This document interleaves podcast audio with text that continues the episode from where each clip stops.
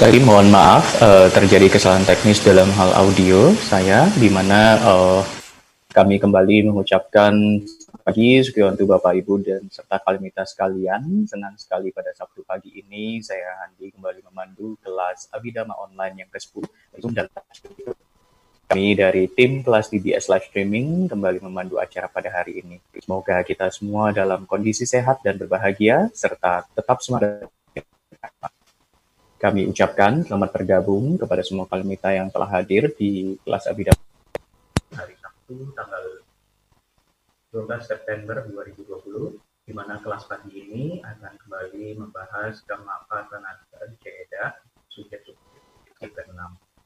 Senang sekali kita dapat berkumpul untuk melakukan kebajikan dengan mendengarkan dhamma di sana dari Badai Selain itu, kami juga mengajak kita untuk subscribe kanal YouTube Dhamma Wihari Budi Studies supaya dapat selalu mendapatkan dan jangan lupa untuk like, sub, dan follow sosial media di DBS lainnya seperti Facebook dan Instagram. Sambil menunggu kalian yang lainnya untuk turut bergabung bersama kita, kami akan membacakan beberapa pengumuman.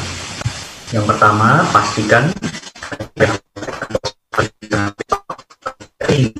September 2020 di mana uh, besok Benika akan membahas khotbah di Dewa Daha, Dewa Daha Sutta kelas yang kedua ya lanjutan dari minggu lalu. Seperti biasa melalui Zoom dan live streaming YouTube.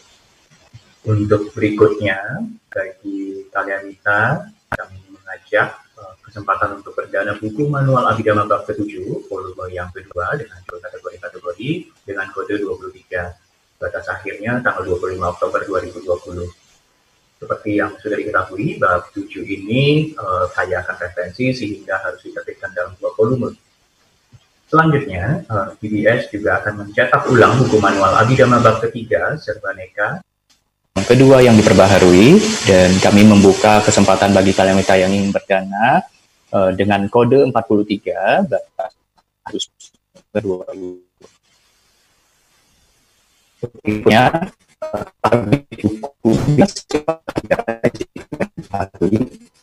dan minat bisa menghubungi PDS tiga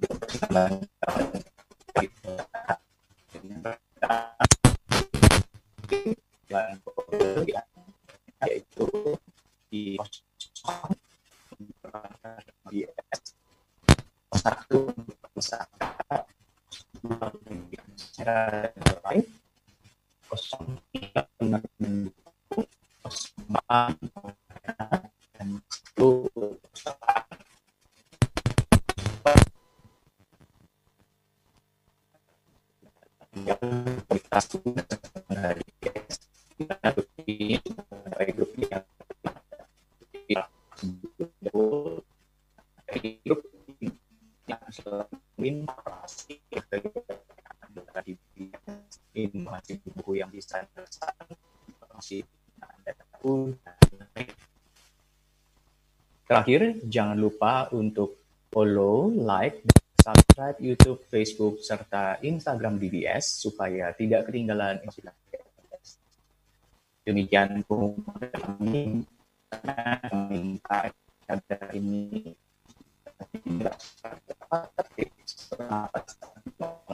supaya lancar. Yang pertama, ketentuan untuk para peserta. Kami harapkan kalian minta berpakaian rapi dan sopan, mengambil posisi mengikuti rangkaian acara dengan penuh perhatian dan sukacita, serta tidak menyalakan TV atau sambil makan dan minum. Host berhak untuk mengendalikan audio dalam keadaan mute saat kelas berlangsung, dan apabila ada peserta yang tidak mematuhi tata tertib dan berpotensi mengganggu jalannya kelas, maka dengan segala hormat akan kami meeting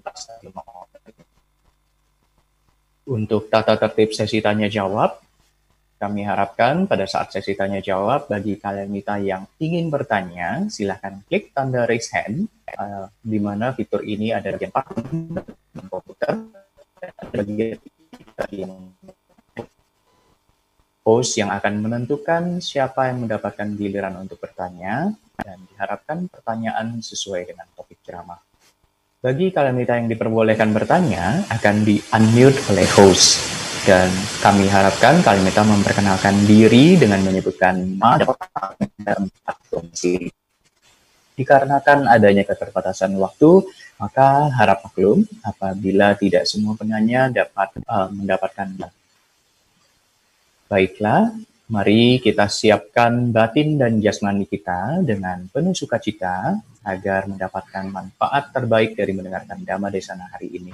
Mari kalian minta semua kita beranjali sambil menyambut kehadiran Bante Keminda.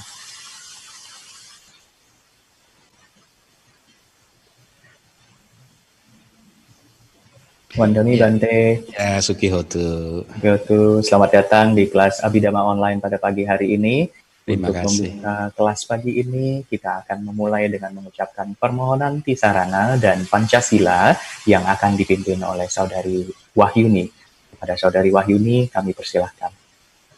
Wandami Bante, Iya, Bu Dokter. Sukihontu, Karya Namita.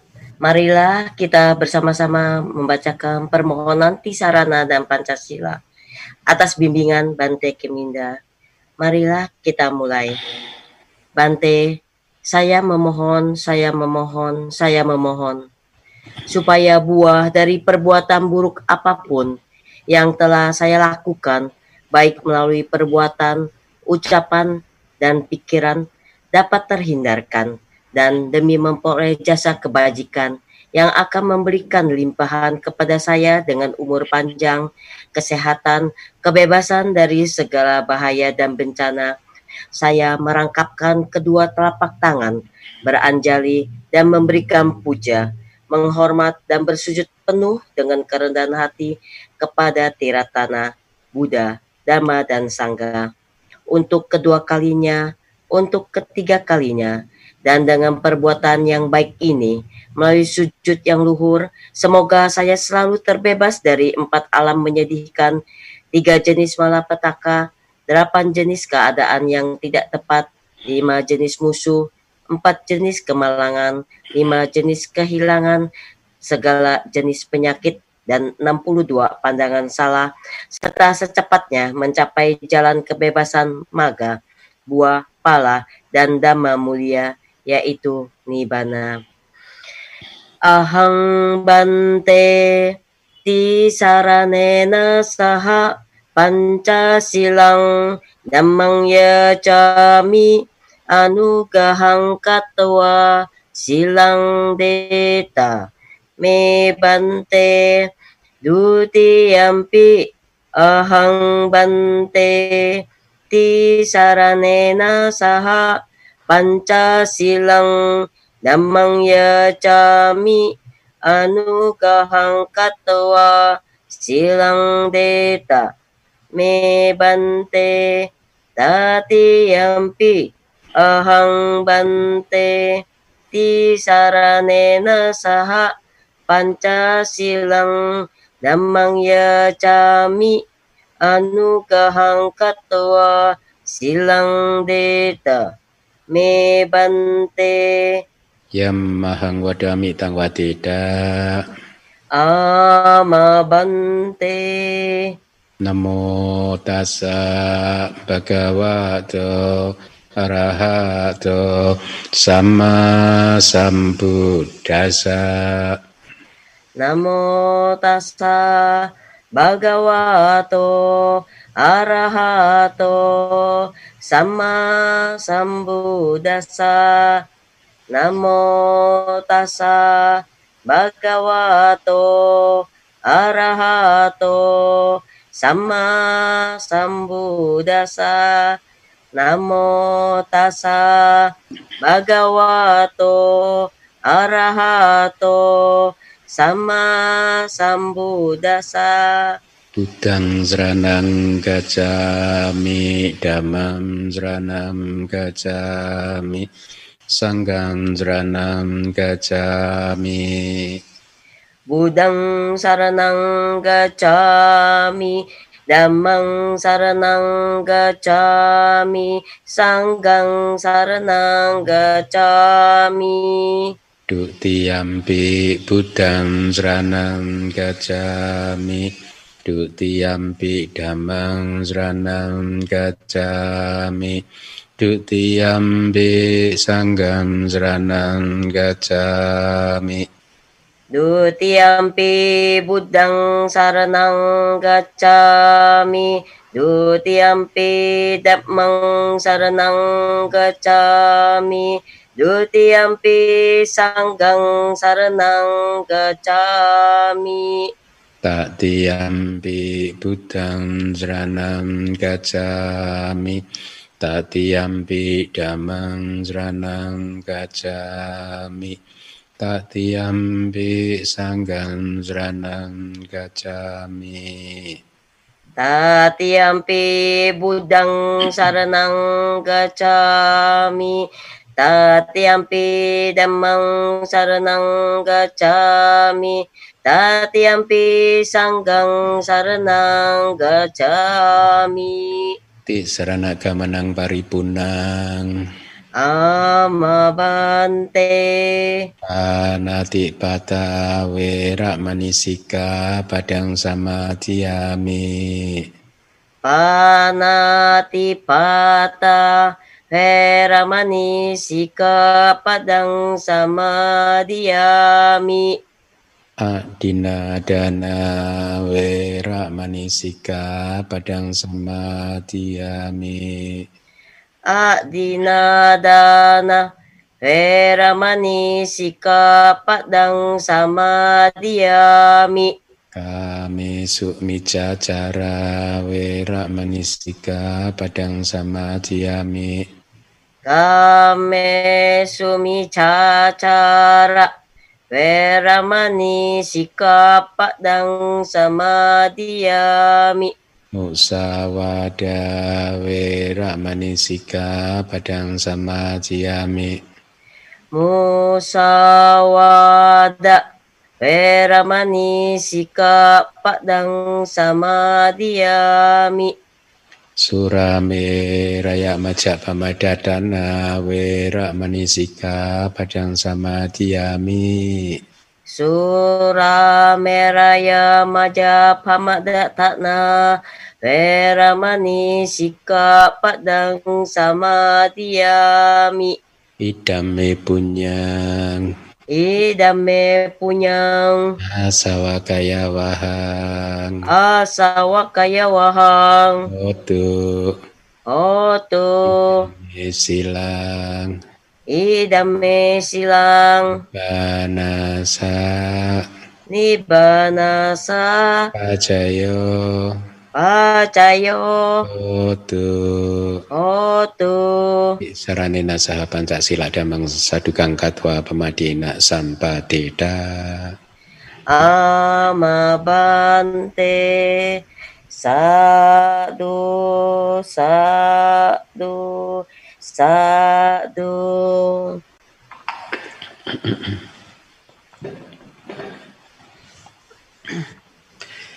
Ya, baik Sugiho untuk semuanya pada para bante Samanera, saya Ale Upasaka dan Upasika sekalian.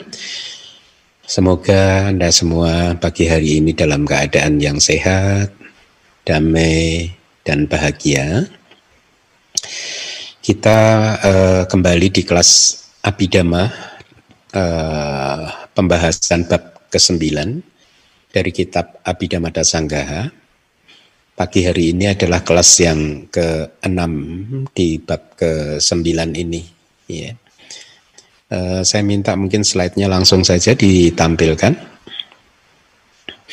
Iya, itu Anda ketemu Padama Arupa Winyana, itu berarti kesadaran arupa yang pertama, artinya kesadaran jana arupa yang pertama. Ananta Wasena Parikama, nah, itu terminologi juga yang ada saya sarankan untuk menghafal parikama. Eh, parikama, kama itu pekerjaan. Jadi parikama itu kayak pekerjaan pendahuluan atau pekerjaan persiapan gitu ya.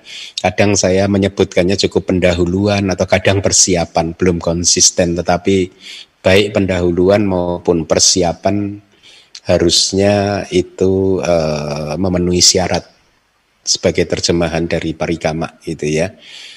Jadi itu terjemahannya. Selanjutnya bagi seorang yogi yang melakukan pendahuluan atau parikama tadi atau persiapan gitu ya. Pada status kesadaran jana non materi yang pertama itu juga sebagai tanpa batas, maka dia mengarah pada jana non materi yang kedua. Artinya eh, kita udah banyak sih membahas tentang hal ini di bab satu dulu lima tahun yang lalu ya uh, Anda juga boleh uh, saya sarankan membaca lagi buku Manual Abhidhamma bab 1 tentang kesadaran khususnya di bagian kesadaran lingkup non materi ya di sana dikupas dengan lebih detail. Jadi di sini hanya seperti mengulang saja ya. Jadi ketika seorang yogi sudah berhasil melampaui semua persepsi tentang rupa ya, akhirnya dia mengarah ke kesadaran jana, kemunculan kesadaran jana non materi yang pertama. Dan ketika kesadaran jana non materi yang pertama tadi sudah muncul dengan kata lain seorang yogi sudah mencapai jana non materi yang pertama apabila dia ingin mencapai jana non materi yang kedua maka dia memusatkan perhatiannya pada eh, pertama-tama pada kesadaran dari jana yang pertama tadi dengan uh, merenungkan bahwa kesadaran jana ini adalah tanpa batas. Jadi sesuai dengan namanya kan, kesadaran jana yang kedua itu kan winyananca yatana kusala cita itu ya. Jadi eh, kesadaran yang baik ya itu landasan eh, apa kesadaran yang tanpa batas gitu. Ya jadi dia dengan terus merenungkan uh, ketanpa batasan dari kesadaran tersebut. Jadi sekali lagi sebenarnya objek dari jana uh, ini adalah yaitu dengan merenungkan ketanpa batasan dari uh, jana yang arupa jana yang pertama begitu ya. Kemudian next slide Selanjutnya bagi yogi yang melakukan persiapan ini tadi di awal pendahuluan maaf di sini persiapan. Saya prefer persiapan sih ya. Pada status kesadaran non materi yang pertama itu juga sebagai tidak ada apa pun maka dia mengarahkan pada kemunculan jana non materi yang ketiga. Artinya uh, dia uh, yogi fokus kepada kelenyapan ya. Jadi kelenyapan dari kesadaran jana yang pertama ya dengan merenungkan uh, nadik kinci nadik kinci tidak ada apa pun tidak ada apa pun begitu ya ketika dia sudah uh, fokus pada pada ketiadaan dari kesadaran jana yang uh, pertama tadi maka dia sedang mengarah kepada jana non materi yang ke uh, apa ketiga ya. Next slide. Hmm? Maaf maaf. Next slide ya, ah, ntar. Ya, bagi seseorang yang melakukan persiapan pada non materi yang ketiga seperti ini dengan maksudnya dengan cara seperti ini, oh uh, kesadaran ini ya kelenyapan dari uh, tadi atau kemunculan dari kesadaran non materi yang ketiga, maaf, itu adalah tentram, adalah istimewa. Itu di atas ada bahasa palinya santa metang, panita metang gitu. Uh, santa metang, panitan metang gitu ya. Jadi ini sebenarnya hanya formulasi yang diberikan oleh para guru kita di masa lalu ya. Uh, tentu saja bukan kata-katanya itu yang penting, tetapi uh, fokus kepada kesadaran uh, jana ketiga yang santam, santa dan panita. Santa itu adalah tentram, damai, panita itu istimewa, superior, gitu ya. Maka ketika dia mulai memfokuskan pada hal ke ketentraman dan keistimewaan tersebut, maka, uh, dia sedang mengarah kepada jana non materi yang keempat Beberapa waktu yang lalu ada uh, seseorang yang bertanya kepada saya, eh, Bante, apakah boleh kita menulis bahwa membuat statement bahwa kitab komentar dan kitab subkomentar itu ditulis oleh para arahat? Waktu itu saya katakan, saya jawab uh, lebih baik tidak karena saya belum menemukan uh, apa referensi pastinya, tetapi saya yakin bahwa yang menulis kitab komentar dan kitab subkomentar itu adalah uh, para Arya ya. Lihat saja bagaimana beliau-beliau minimal kalau kita sedang membahas ini di bab 9 ini bagaimana beliau bisa menguraikan ini semua dan itu ternyata sesuai dengan prakteknya. Ya memang seperti itu. Berarti penulisnya ya minimal dia menguasai jana tetapi di sub bagian uh, subbab yang uh, belakangan nanti juga akan ada pembahasan wipasana jadi eh, kalau beliau-beliau ini bukan praktisi yang baik, tentu akan sulit untuk menulis ini semua, begitu kan? Eh, untuk menurunkan ilmu-ilmu ini dari zaman Buddha sampai ke sekarang, begitu ya, dari generasi ke generasi gitu. Ya, nah kita sudah sampai di jana non materi yang keempat itu tadi seperti itu dia mengarah pada jana non materi yang keempat artinya kemudian dia juga akan mencapai jana non materi yang keempat gitu ya. Nah, eh, bagi seseorang yang melakukan persiapan pada non materi yang ketiga seperti ini, ini adalah tentram tadi kalimatnya begitu. Ini adalah istimewa. Itu artinya eh, Wibawi Nidika menjelaskan seperti ini bagi seseorang yang mengembangkan meditasinya seperti ini, ini adalah tentram, ini adalah istimewa begitu melalui kondisi ketiadaan objek yaitu ketiadaan kesadaran arupa jana yang pertama. Ya, artinya eh, ke, uh, ketiadaan dari kesadaran arupa jana yang pertama ini gitu dikontemplasikan, direnungkan sebagai santam etang panita metang gitu ya. Santa metang panita metang ini adalah tentram ini adalah uh, apa tadi istimewa atau superior gitu ya. Next slide yang ke-40 ya uh, kita lihat ada kata-kata Pali yang penting untuk dihafal tidak awas sesu cak dasasu kamadanesu Buddha guna. Nah itu Buddha guna itu Anda boleh hafalkan. Buddha guna, Dhamma guna, Sila guna, uh, Sangga guna, Sila guna, Dewata guna juga ya dan seterusnya ada 10 guna. Guna itu keutamaan atau kualitas-kualitas unggul gitu ya. Jadi Buddha guna itu keutamaan-keutamaan sifat Buddha atau keutamaan keutamaan Buddha atau juga bisa eh, kualitas-kualitas unggul dari Buddha. Tetapi saya eh, prefer memilih menerjemahkannya sebagai keutamaan-keutamaan Buddha gitu ya. Arab parika mangkatwa tasmini mite sadu sadukam uga hite setelah dipahami dengan baik. Tadewa sama diati. Sama diati itu lihat itu. Itu kata pasif dari sama diati. Sama deti.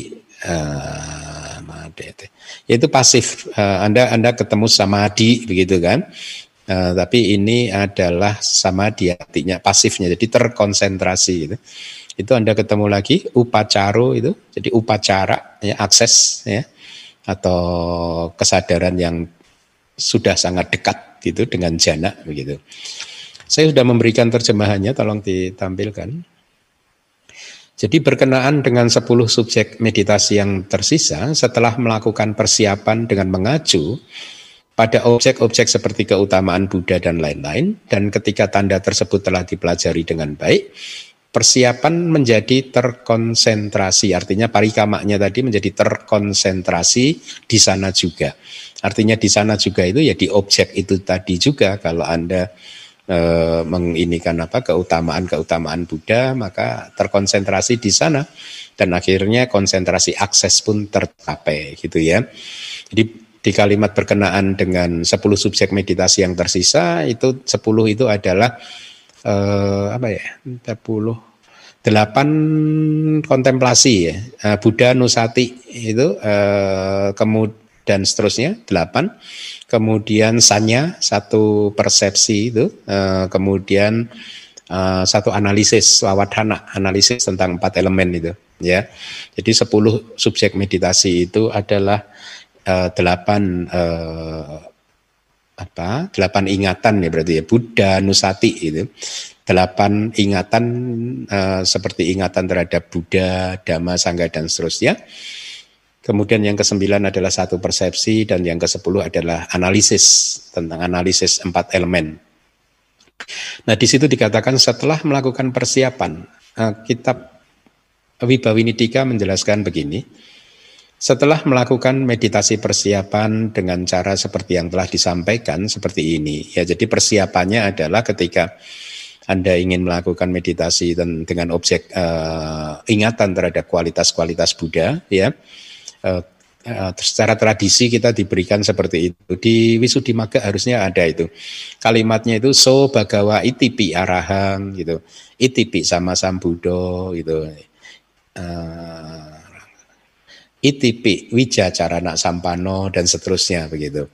Ya artinya begini, uh, so bagawa dia beliau adalah seorang begawan gitu ya. ITP demikian juga beliau adalah juga seorang arahanta. Demikian juga beliau adalah seorang sama sambudo, sama sambuda gitu ya.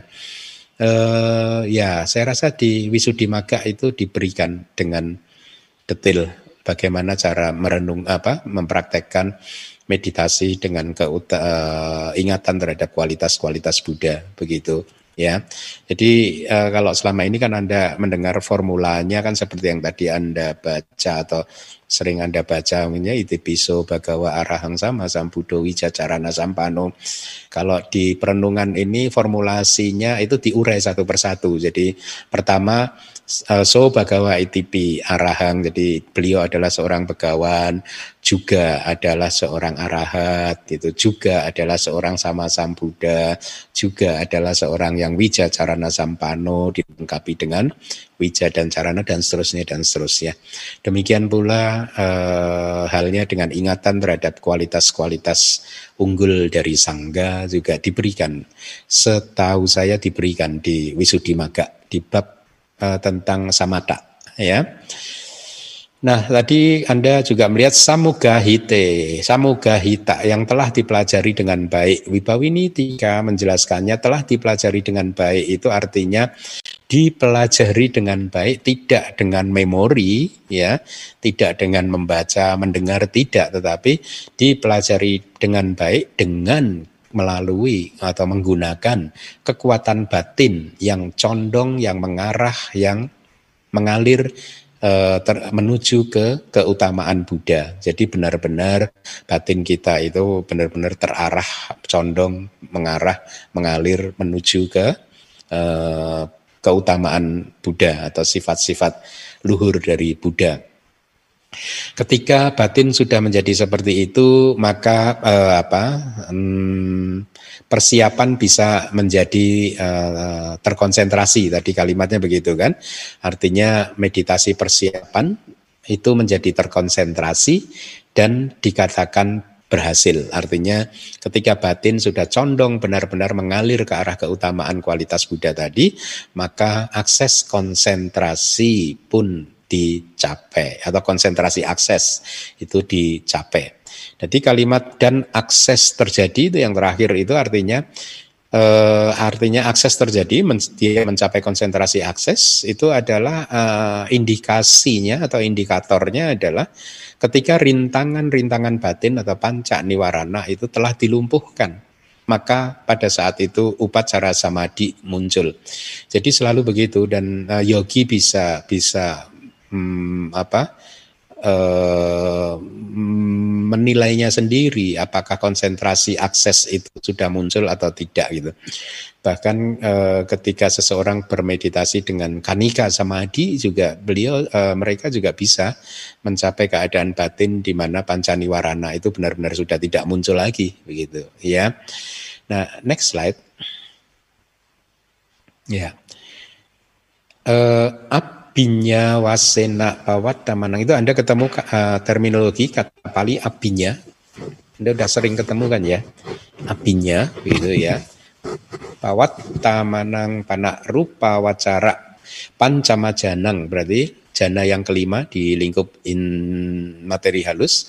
Abinya padaka pancamajana. Jadi padaka itu. Padaka itu basis gitu ya.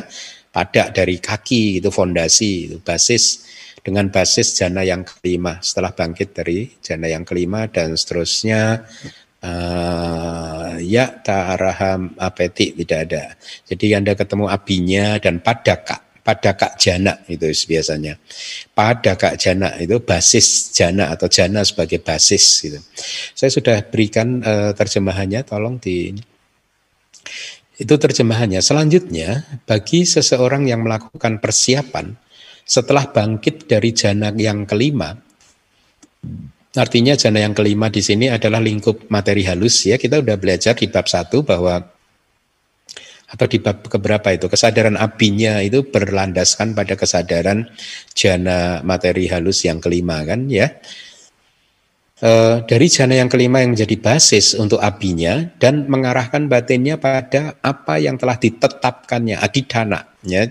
Artinya e, kalau Anda benar-benar praktek untuk menguasai apinya ini uh, misalkan idik wida idik wida itu berbagai macam atau berbagai beraneka ragam uh, kesaktian kalau di teks dikatakan uh, seseorang bisa menduplikasi wujud atau tubuh jasmaninya itu menjadi 100 menjadi 1000 dan lain sebagainya gitu atau kalau menggunakan apinya-apinya yang lain itu maksudnya yang telah ditetapkannya itu tergantung pada adidana dia sebelumnya gitu ya kalau dia ingin menduplikasi tubuh jasmaninya menjadi 100 atau 1000 ya dia fokus pada itu gitu.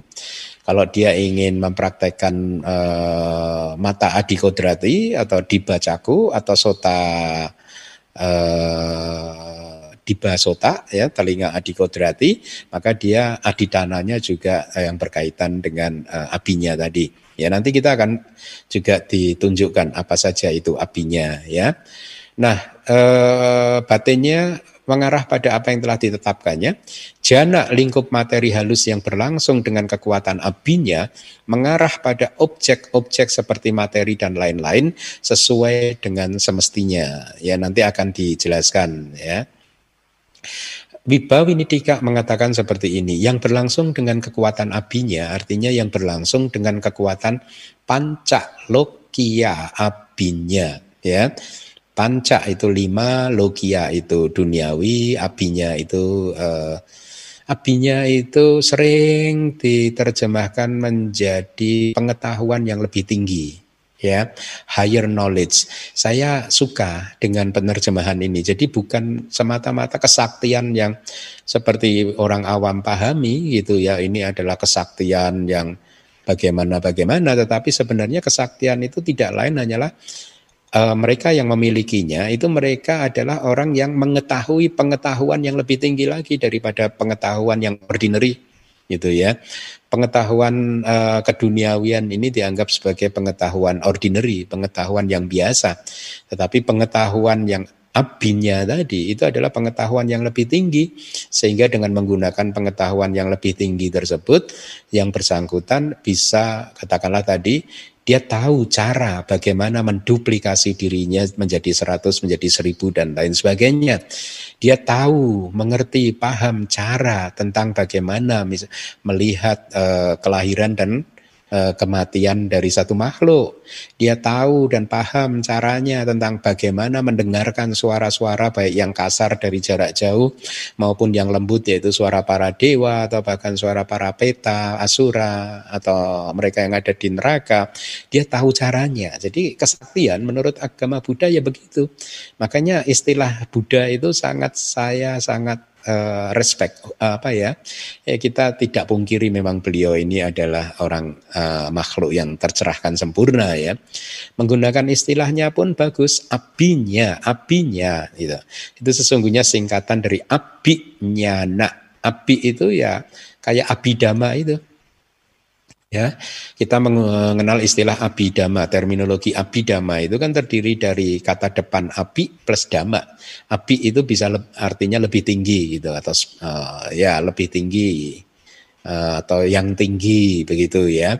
Makanya abidama kadang diterjemahkan sebagai ajaran yang lebih tinggi gitu ya yang saya jarang memakainya gitu. Karena itu nanti akan mengundang kasihan yang lainnya yang dianggap yang tidak tidak paham abidama lalu dianggap tidak uh, tidak mengerti ajaran yang lebih tinggi gitu. nah sama abinya nak itu disingkat menjadi apinya gitu ya. Apinya, naknya, nak itu kan pengetahuan, api itu yang lebih tinggi. Hmm, ya. Jadi apinya atau apinya nak itu adalah pengetahuan yang lebih tinggi. Bagus ya, ya. Mereka mengetahui pengetahuan yang lebih tinggi lagi tentang bagaimana menduplikasi diri dan lain sebagainya, begitu ya. Nah, eh, kita mengenal enam apinya sebenarnya eh, sesuai dengan ajaran Buddha. Abinya itu ada enam, tetapi satu yang terakhir itu adalah lokutera abinya, ya, yaitu pengetahuan yang lebih tinggi tentang yang adi duniawi, yaitu apa? Asawakaya nyana. Kita sering kan kalau habis berbuat kebajikan kan kita beraspirasi semoga kebajikan kita ini bisa menjadi kondisi untuk uh, kemunculan dari pengetahuan asawakaya kehancuran dari noda-noda batin. Ini adalah pengetahuan yang muncul pada batin arahat ya ketika mereka mencapai tingkat kesucian kearahan taannya begitu ya. Nah, itu yang keenam. Lima yang pertama disebut logia atau duniawi. Maka Anda mendapatkan istilah atau terminologinya adalah panca logia apinya itu ya. Berarti penget lima pengetahuan yang lebih tinggi yang logia, yang duniawi ya. Yaitu idik wida dan seterusnya. Saya rasa di buku karma saya sudah mencantumkannya buku yang saya tulis yang berjudul kama pusaran kelahiran dan kematian tanpa awal sudah saya tulis. Kemudian juga mungkin di buku manual abidama bab kelima juga sudah saya uh, uraikan Uh, sepertinya nanti juga di Wibawinitika akan diuraikan juga ya. Jadi sekarang Anda tahu panca logia abinya ya. Lima pengetahuan yang lebih tinggi yang duniawi yaitu idik wida dan seterusnya nanti dibahas. Dan yang merupakan sebutan untuk abinya dalam arti pengetahuan dalam bentuknya yang sangat istimewa ya. ya ya. Jadi abinya itu disebut demikian karena pengetahuan tersebut bentuknya itu sangat istimewa gitu ya. Jadi ada dua definisi. Di samping dia menjadi pengetahuan yang lebih tinggi, juga yang kedua adalah menjadi lebih istimewa. Ah, ini adalah pengetahuan yang istimewa gitu. Api wisesato ya janat Kena. Jadi dalam artian ini adalah pengetahuan sebagai pengetahuan yang lebih istimewa harusnya gitu. Atau api wisesa. Api wisesa itu bisa lebih istimewa, bisa sangat istimewa gitu. Ya. Jadi itu definisinya. Kenapa disebut apinya? Karena dia adalah penget, memang pengetahuan yang lebih tinggi. Juga disebut demikian dalam artian merupakan pengetahuan yang api wisesa. Yaitu eh, pengetahuan yang sangat istimewa begitu. Nah tadi di Abhidhamma Sanggaha ada kalimat setelah bangkit dari jana yang kelima yang jadi basis untuk abinya yaitu penjelasannya adalah setelah mengendalikan batin dengan menggunakan 14 14 cara ya di kitab Wibawinidika tidak disebutkan 14 caranya tetapi Anda saya sarankan kembali lagi eh, kemarin sudah saya cek Anda bisa melihat ke Wisudimaga bab kedua begitu ya. Ya, uh, di sana disebutkan cara untuk uh, menguasai apinya gitu. Dan setelah mengarah jadi 14 cara ya, ada 14 cara dengan objek kasina, kemudian mereview faktor jana, berurutan maupun lompat-lompat, maju, mundur dan lain sebagainya begitu. Ada 14 cara. Uh, dan setelah mengarahkan batinnya pada apinya, dia memasuki hanya Jana materi halus yang kelima, ya. Jadi itu yang harus Anda pahami bahwa fondasi atau jana yang menjadi basis untuk apinya itu adalah jana e, materi halus yang kelima. Kenapa demikian? Nah, selama ini Anda belum dijelaskan. Kenapa demikian? Wibawi Nidika menjawab bahwa hal itu karena kesesuaiannya, e, karena sesuai basis di jana yang kelima ini sesuai sesuai dalam arti apa di sana ada penggabungan antara uh, dua faktor jana yaitu UPK dan ekagata. Ya. Karena dua faktor itulah maka uh, basis untuk abinya itu uh, di jana yang kelima non materi ya. Dengan kata lain uh, abinya membutuhkan dua faktor jana ini yang sudah dimurnikan melalui oleh perhatian penuh yaitu UPK dan ekagata gitu ya. Setelah bangkit dari jana yang kelima yang mengambil objek kasina dan bertegak sebagai basis untuk abinya itu kata Wibawini. Jadi tidak lain hanya menjelaskan siapa pun yang ingin menguasai abinya dia benar-benar harus melatih. Sebenarnya delapan jana semua dilatih atau sembilan jana sesuai dengan struktur abidama. Baik itu lima jana materi halus maupun empat jana non materi ya. Dan kemudian setelah semuanya dikuasai dengan baik mereka mahir di sembilan jana ini maka guru akan melatih uh, abinya. Tetapi saya rasa di zaman sekarang jarang. Saya tidak mengatakan tidak ada tetapi uh, guru saya pernah berkata begini. Uh, guru pernah bis saya itu pernah berkata seperti ini. Untuk bisa melatih abinya itu membutuhkan waktu yang sangat uh, lama panjang dan walaupun nanti seseorang sudah mencapainya, eh, dia juga harus terus merawat dan menjaganya supaya tidak lepas, tidak hilang, begitu.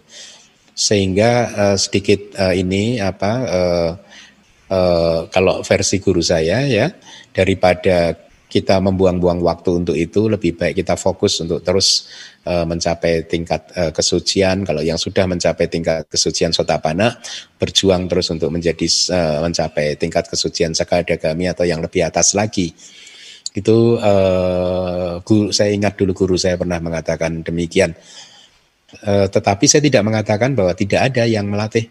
Salah satu kawan saya juga pernah menceritakan kepada saya bahwa uh, dia dulu pernah berlatih abinya begitu ya. Salah satu kawan uh, ya, ya saya, eh, saya tidak bisa sebut namanya. Itu uh, dulu pernah berlatih abinya tersebut gitu. Baik uh, begini kita lanjutkan. Tadi di Abhidhamma Sanggaha ada kalimat mengarahkan batinnya pada apa yang telah ditetapkannya apa yang sudah menjadi adidhana dia ya. Misalnya kalau dia akan mempraktekkan idik wida, idik wida itu adalah wida itu berbagai jenis, beraneka ragam, idik itu kesaktian, ya. Kalau dia ingin melatih apinya yang disebut idik wida atau berbagai macam kesaktian, beraneka ragam kesaktian, maka yang terjadi adalah begini kata Wibawinidika. Pada momen persiapan, dia mengarahkan pada uh, di momen persiapan parikama, dia mengarahkan perhatiannya pada 100 atau lebih tubuh jasmani yang baru dari dirinya sendiri. Jadi dengan anda, Anda harus membayangkan ketika seseorang sudah menguasai 8 9 jana dan kemudian sudah mahir di uh, latihan dengan cara 14 latihan itu tadi, maka batinnya itu menjadi sangat luas ya, sangat lentur. Uh, apa yang dia perintahkan itu bisa muncul begitu. Makanya di Wibawa ini dikatakan di momen persiapan dia mengarahkan perhatiannya pada 100 atau lebih tubuh jasmani yang baru, tubuh jasmani dirinya yang baru.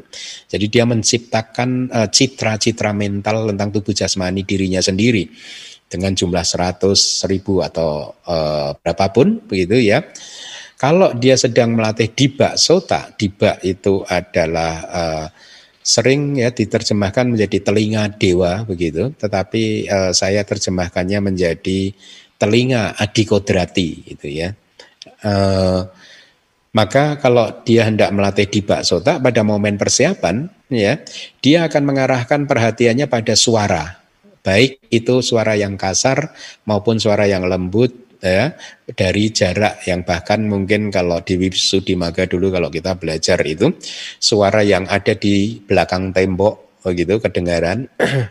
Kemudian bahkan suara yang uh, percakapan para dewa uh, atau percakapan makhluk di alam apa ya itu juga bisa didengar atau suara jeritan tangisan makhluk-makhluk di apa ya itu juga dia bisa dengar. Maka ketika dia memfokus uh, di diba sota dia mengarahkannya perhatiannya pada suara-suara seperti itu ya. Dikatakan suaranya baik yang kasar maupun yang lembut ya.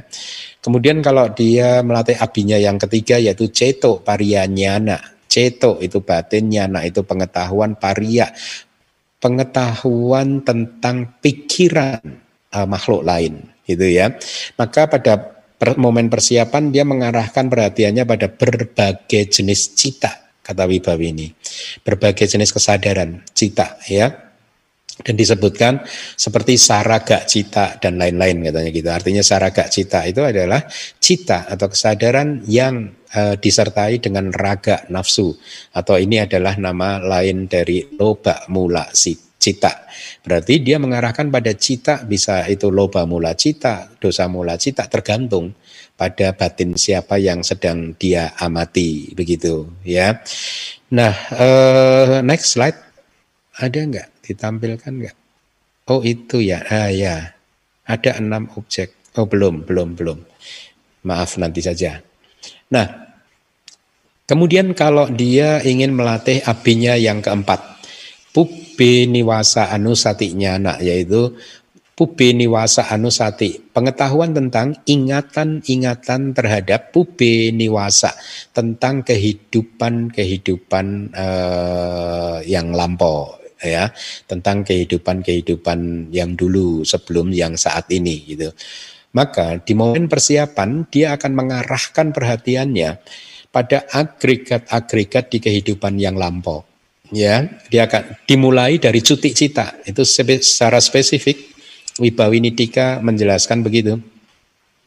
Jadi dimulai dari cuti cita di kehidupan persis yang sebelum ini. Jadi eh, apa tapi sebenarnya tekniknya adalah uh, yogi akan diminta untuk mengamati patik sandinya terlebih dahulu gitu.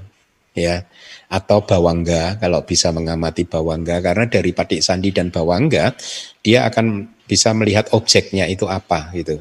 Dan ketika objek dari patik sandi atau bawangga ini sudah terdeteksi, sudah dipahami dengan baik, maka dia bisa menarik ke belakang, ke cuti citanya begitu. Ya. Nah, eh, Wibawa ini menyebutkan seperti itu dimulai dari cuti cita di kehidupan persis sebelum yang ini gitu. Kemudian kalau di bak sota atau telinga adikodrati di momen persiapan dia mengarahkan pada bentuk tubuh yang diliputi oleh uh, cahaya. Itu kata uh, kata Wibawini ya. Seharusnya bukan dibak sota ya, dibak caku, maaf, dibak caku, yaitu mata adikodrati, dia mengamati bentuk cahaya tubuh yang diliputi oleh cahaya. Memang eh, seperti itu, jadi makhluk-makhluk di tingkat atas itu tubuhnya itu eh, berbalut cahaya terang benderang, semakin tinggi semakin terang benderang, gitu ya. Eh, demikian itu memang ya. Nah, Kemudian tadi ada uh, statement atau kalimat di Abhidhamma Sanggaha bagi seseorang yang melakukan persiapan, artinya bagi seseorang yang melakukan parikama seperti ini.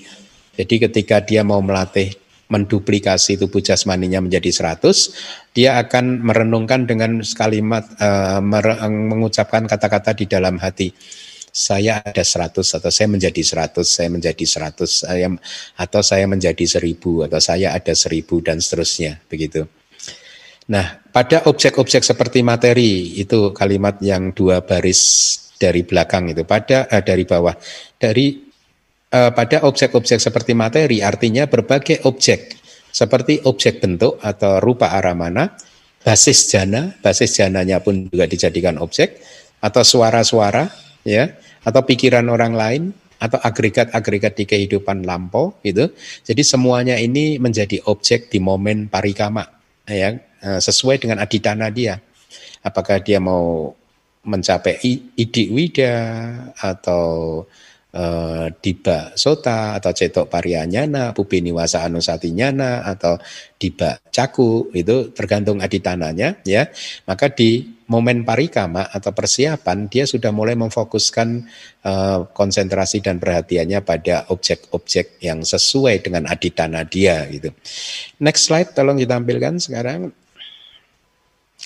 Untuk pengetahuan tentang berbagai jenis kesaktian, idik widak nyana ada enam objek berikut, yaitu padeka jana, padeka jana, padeka itu basis, gitu ya, jana yang menjadi basis, ya, uh, atau kadang cukup basis jananya gitu ya.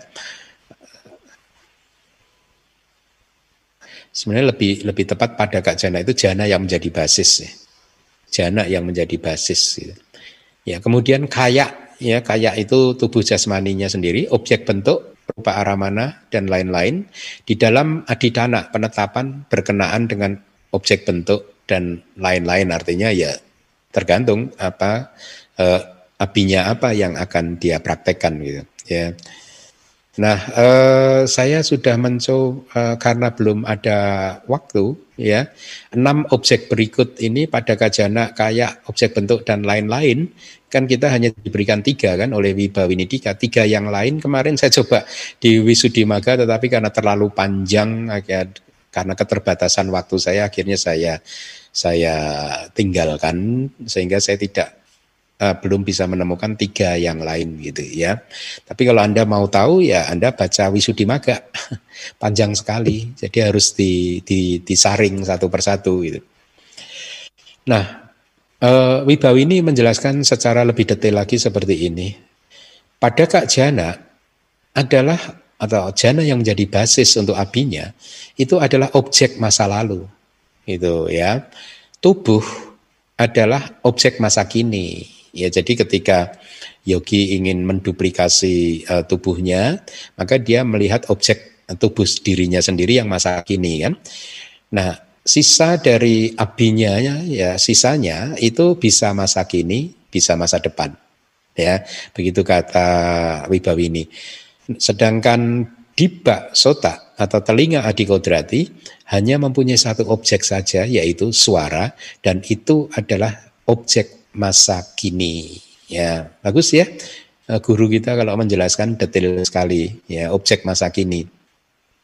Jadi yang didengar itu benar-benar mereka sedang bercakap-cakap dan Anda mendengarnya atau mereka sedang berteriak kesakitan Anda pun mendengarnya begitu.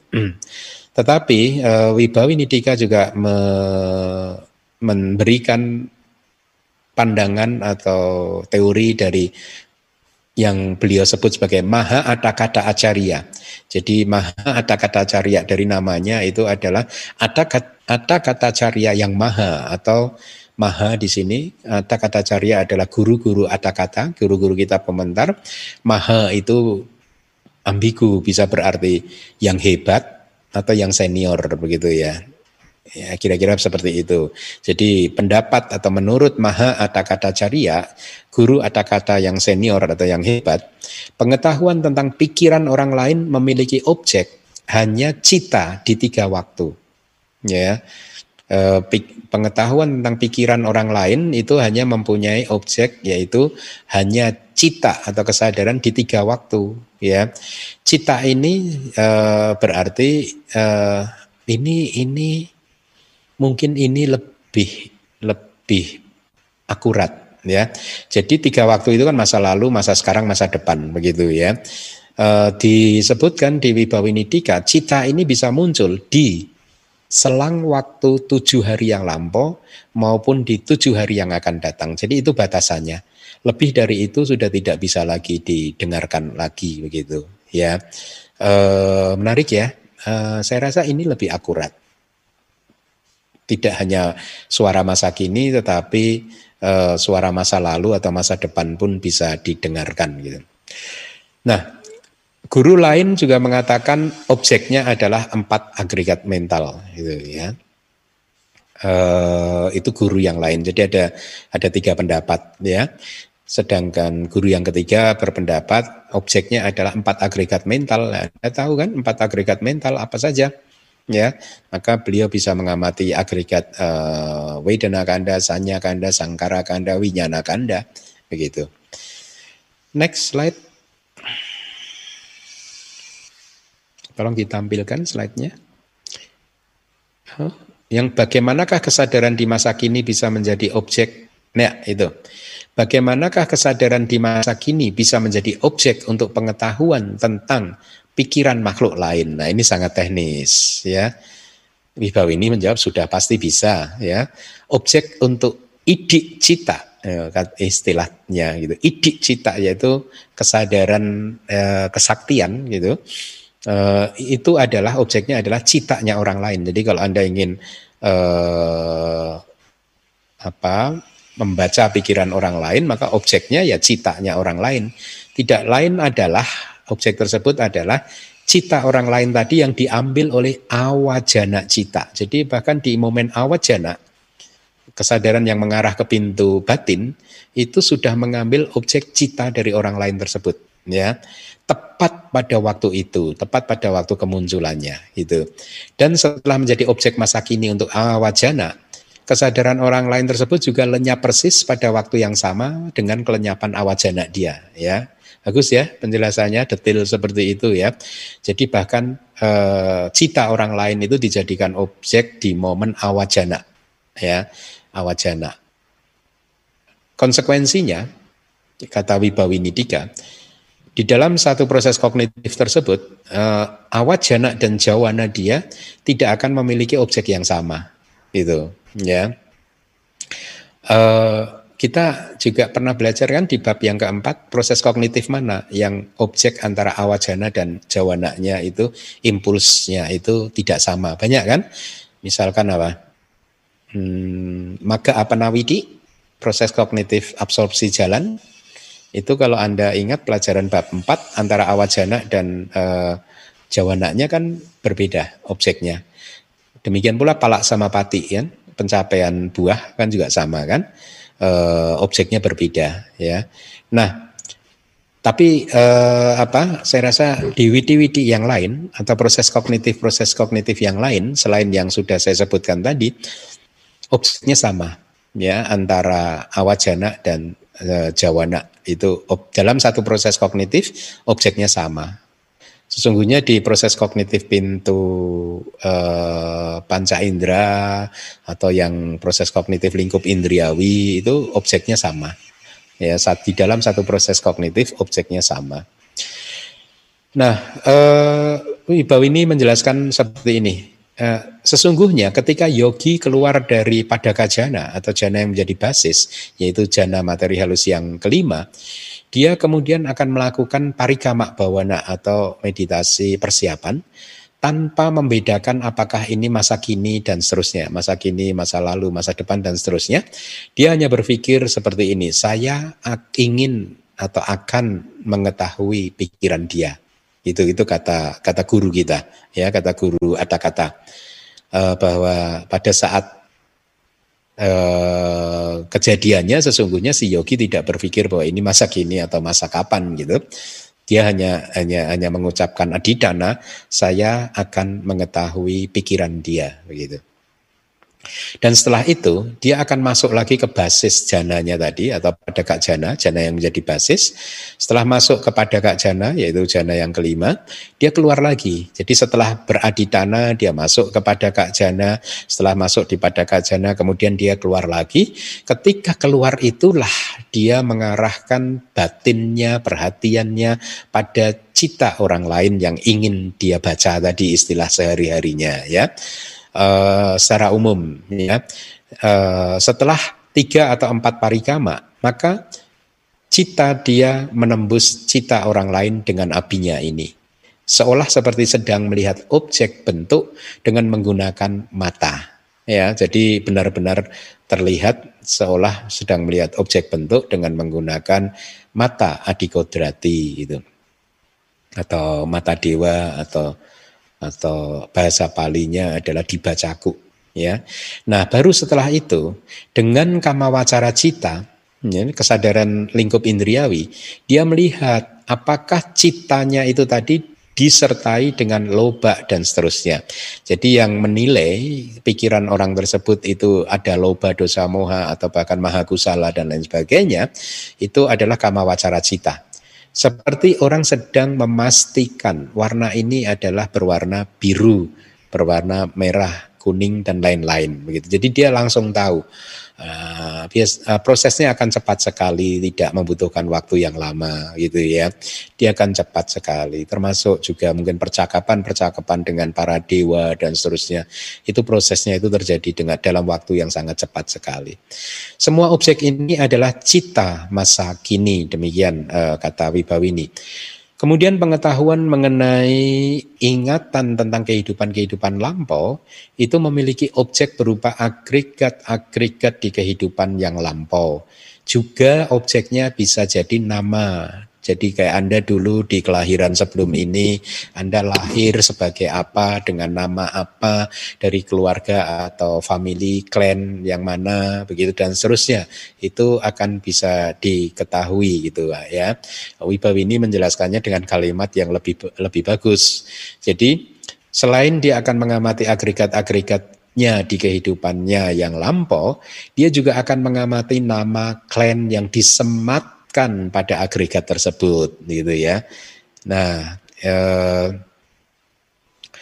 eh, bahkan Wibawa ini menambahkan pengetahuan mengenai ingatan terhadap kehidupan lampau itu objeknya bisa nibana. Artinya kalau Anda ternyata sudah menjadi seorang sotapana atau Arya di kehidupan Anda yang lampau, kalau Anda menguasai apinya, Anda bisa mengambil nibana di kehidupan lampau tersebut karena itu pernah uh, apa muncul di agregat Anda yang lampau kan ya jadi bahkan objek dari agregat tersebut walaupun itu katakanlah nibana itu bisa di, di, diingat lagi begitu jadi dengan demikian Anda ingat oh dulu sudah menjadi seorang sotapana sekadagami begitu ya. Tapi ingat itu cara melihatnya dengan apinya ya. Kalau tidak mempunyai apinya mungkin dia tidak bisa juga melihat ya uh, dia paling bisa mengecek gitu ya apakah Anda misalkan atau seseorang sudah menjadi sotapana di kehidupan lampau atau belum, dia biasanya akan mereview kelahirannya sekarang ini seperti apa kualitasnya begitu. Sejak lahir sampai hari ini gitu kualitasnya seperti apa apakah kilesa-kilesa yang kasar itu muncul apakah masih mempunyai sakaya didi ya sila batak paramasa wicikica apakah eh, apakah uh, dia pernah melanggar lima sila atau tidak itu. Kalau confirm tidak pernah melanggar lima sila tidak memiliki sila batak paramasa wicikica dan kemudian eh, apa sakaya didi ya. Maka ya dalam tanda kutip 99% confirm dia adalah seorang sotapana ya. Yang satu persen harus dilihat melalui apinya tadi. Itu ya. Itu perumpamaan saya ya persentasenya bisa jadi tidak benar tidak akurat ya. Nah eh, tapi lanjut wibawi ini mata adikodrati atau di bak caku hanya memiliki objek bentuk masa kini gitu ya. Jadi demikianlah analisis objek untuk semua apinya gitu Next slide tolong ditampilkan. Yang 42, abinya cak nama. Ya, abinya cak nama. Yang dinamakan abinya itu ada empat lima jenis berikut ya eh, pancakda itu yang kalimat terakhir itu pancakda itu lima jenis tik berikut itu yaitu uh, berbagai jenis kesaktian itu Anda boleh hafalkan idik widha. Jadi kalau sudah jadi ini M-nya diilangi, A-nya diganti panjang. Idik wida itu berbagai jenis kesaktian. Dibak sota itu telinga adikodrati. Para cita wijanana yaitu pengetahuan tentang pikiran orang lain ya eh, pikiran makhluk makhluk lain Pubi niwasa anusati, ingatan tentang kehidupan-kehidupan yang dahulu, dibak cakuk, yaitu mata adi kodrati. Berarti lima ini adalah pancak logia abinya atau pengetahuan yang lebih tinggi yang duniawi. Tadi sudah saya sampaikan. Nah, eh, jadi sekarang Anda diajarkan oleh para guru kita jenis-jenis abinya yang diajarkan oleh Buddha ya ada lima itu enam yaitu ketika anda mencapai seorang uh, tingkat kesucian seorang arahat next slide Berbagai jenis kesaktian atau idik widya adalah berbagai variasi kesaktian seperti penetapan dan lain-lain. Kemudian next slide. Telinga adikodrati atau diba sota adalah adikod, adikodrati dan itu juga adalah telinga. Artinya telinganya sendiri sudah adikodrati gitu ya.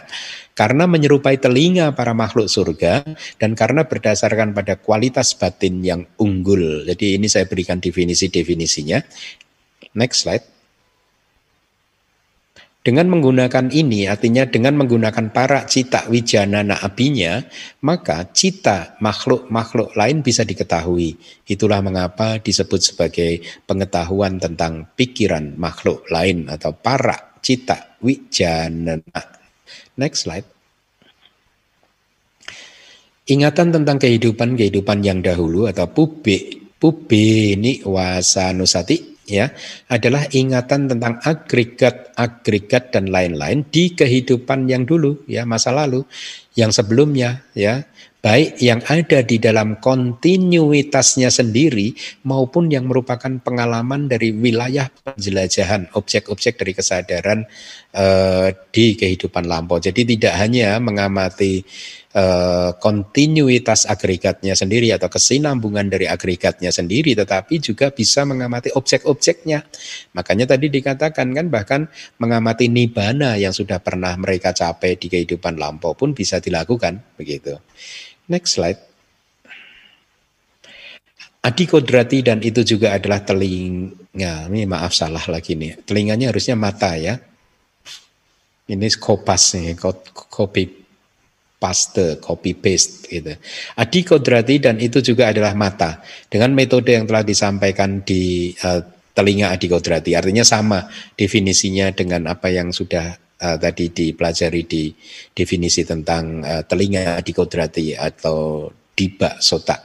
Itulah mengapa disebut sebagai mata adikodrati atau diba caku. Terus uh, next slide. Akan tetapi yang dikatakan sebagai mata adikodrati atau diba caku hanyalah pengetahuan tentang kematian dan kelahiran kembali. Ya, itu dibatasi secara spesifik um, mata dewa atau mata adikodrati atau dibacaku itu hanyalah pengetahuan tentang kematian dan kelahiran kembali. Ya, Anda ingat nggak ketika Pangeran Siddhartha pada malam penerangan sempurna ya ketika di hmm, di malam itu kan dibagi menjadi tiga bagian malam kan. Di sepertiga malam yang pertama beliau merealisasi uh, pubiniwasa anusati yaitu beliau mampu mengingat semua kehidupan lampau beliau kalau menurut teks semua. Ya. Kemudian di sepertiga malam yang kedua beliau merealisasi dibacaku ya dibacaku yaitu mata adikodrati kalau di dalam teks dikatakan kan dengan melalui dibacaku yang uh, wisudi yang suci bersih murni ya yang atik kama melampaui ke, uh, kemampuan makhluk biasa begitu ya uh, atau di luar batas kemampuannya begitu. Beliau melihat kelahiran dan kematian makhluk-makhluk lain ya jadi di Bacaku itu seperti itu ya melihat kematian dan kelahiran kembali. Itu bahasa palinya ada cutu papata nyana. Itu sebenarnya gabungan dari cuti plus upak nyana. Pengetahuan tentang cuti dan upak pata. Pengetahuan tentang kematian dan upak pata atau kemunculan kembali. Kelahiran kembali nama lainnya. ya Cutu papata nyana itu uh, bahasa palinya ya. Uh, next slide. Masih ada lagi pengetahuan tentang perolehan kelahiran sesuai dengan kamaknya atau yakta kamu pagaknya nak ya. Kalau anda yang sudah mulai belajar Pali saya sampaikan itu yakta koma kama koma upaga koma nyana ya yakta itu sesuai kama ini yakta kama sesuai kamaknya itu ya upaga itu itu kayak ya obtain perolehan kelahiran gitu. Jadi pengetahuan tentang perolehan kelahiran yang sesuai dengan kamanya. Yakta kamu pagaknya nak. Yakta koma kama koma upaga koma nyana gitu. Dan pengetahuan tentang masa depan, anagatang nyana ya. Itu juga anagata angsa nyana gitu. Pengetahuan tentang masa depan juga berhasil hanya dengan kekuatan mata adikodrati. Ya, jadi variasi dari diba caku itu tadi ada tiga. Yang pertama tadi apa? E, masih ingat enggak? Cutu pata nyana, yang kedua yakta kamu paga nyana, yang ketiga adalah anagatang nyana. Jadi kedua ini juga akan bisa berhasil dengan bantuan diba caku itu uh, maksudnya. Nah, saya rasa saya lanjutkan sedikit lagi kali ya. Ya, sedikit lagi. Oke. Okay. Uh, eh, saya lanjutkan. Dari Wibawinidika uh, dijelaskan seperti ini.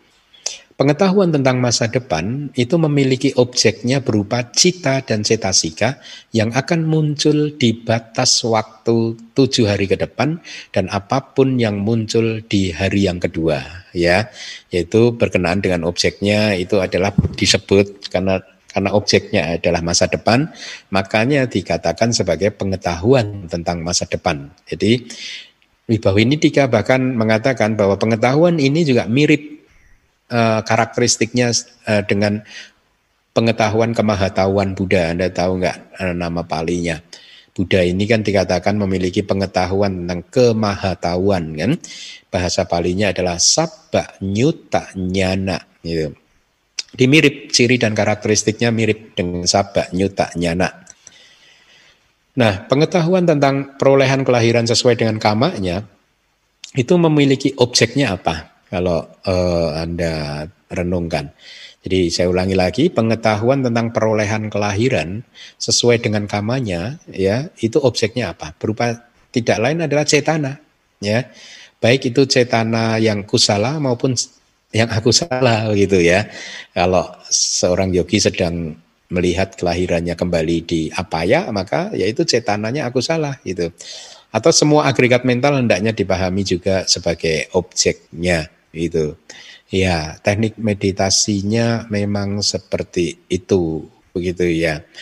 E, ketika objek apa objek cuti citanya sudah diketahui, maka biasanya guru akan mengarahkan juga untuk tidak hanya mengamati objek, tetapi kesadaran yang melihat objek tersebut dan itu akan ketahuan cetananya, gitu ya.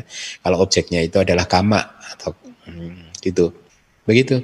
Baik, saya rasa uh, kelas pagi hari ini kita cukupkan sampai di sini. Semoga bermanfaat. Terima kasih. Bande atas penjelasannya yang telah disampaikan kepada kami pagi ini. Selanjutnya kita akan memasuki sesi tanya jawab. Itu uh, izinkan kami akan bacakan tata tertib sesi tanya jawab kembali. Yang pertama, kami mengajak kalian minta untuk bagi yang ingin bertanya, silahkan klik tanda raise hand.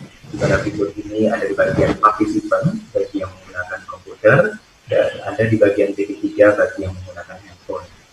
Host yang akan menentukan siapa yang mendapatkan giliran untuk bertanya dan pastinya pertanyaan diharapkan sesuai dengan topik utama. Bagi kalian kita yang diperbolehkan bertanya akan di-unmute oleh host. Dan kami harapkan kalian kita memperkenalkan diri dengan menyebutkan nama dan kota atau negara tempat domisili. Dikarenakan adanya keterbatasan waktu, maka harap maklum apabila tidak semua penanya akan mendapatkan giliran. Kami persilahkan kepada kalian kita yang ingin bertanya, silahkan klik tanda raise.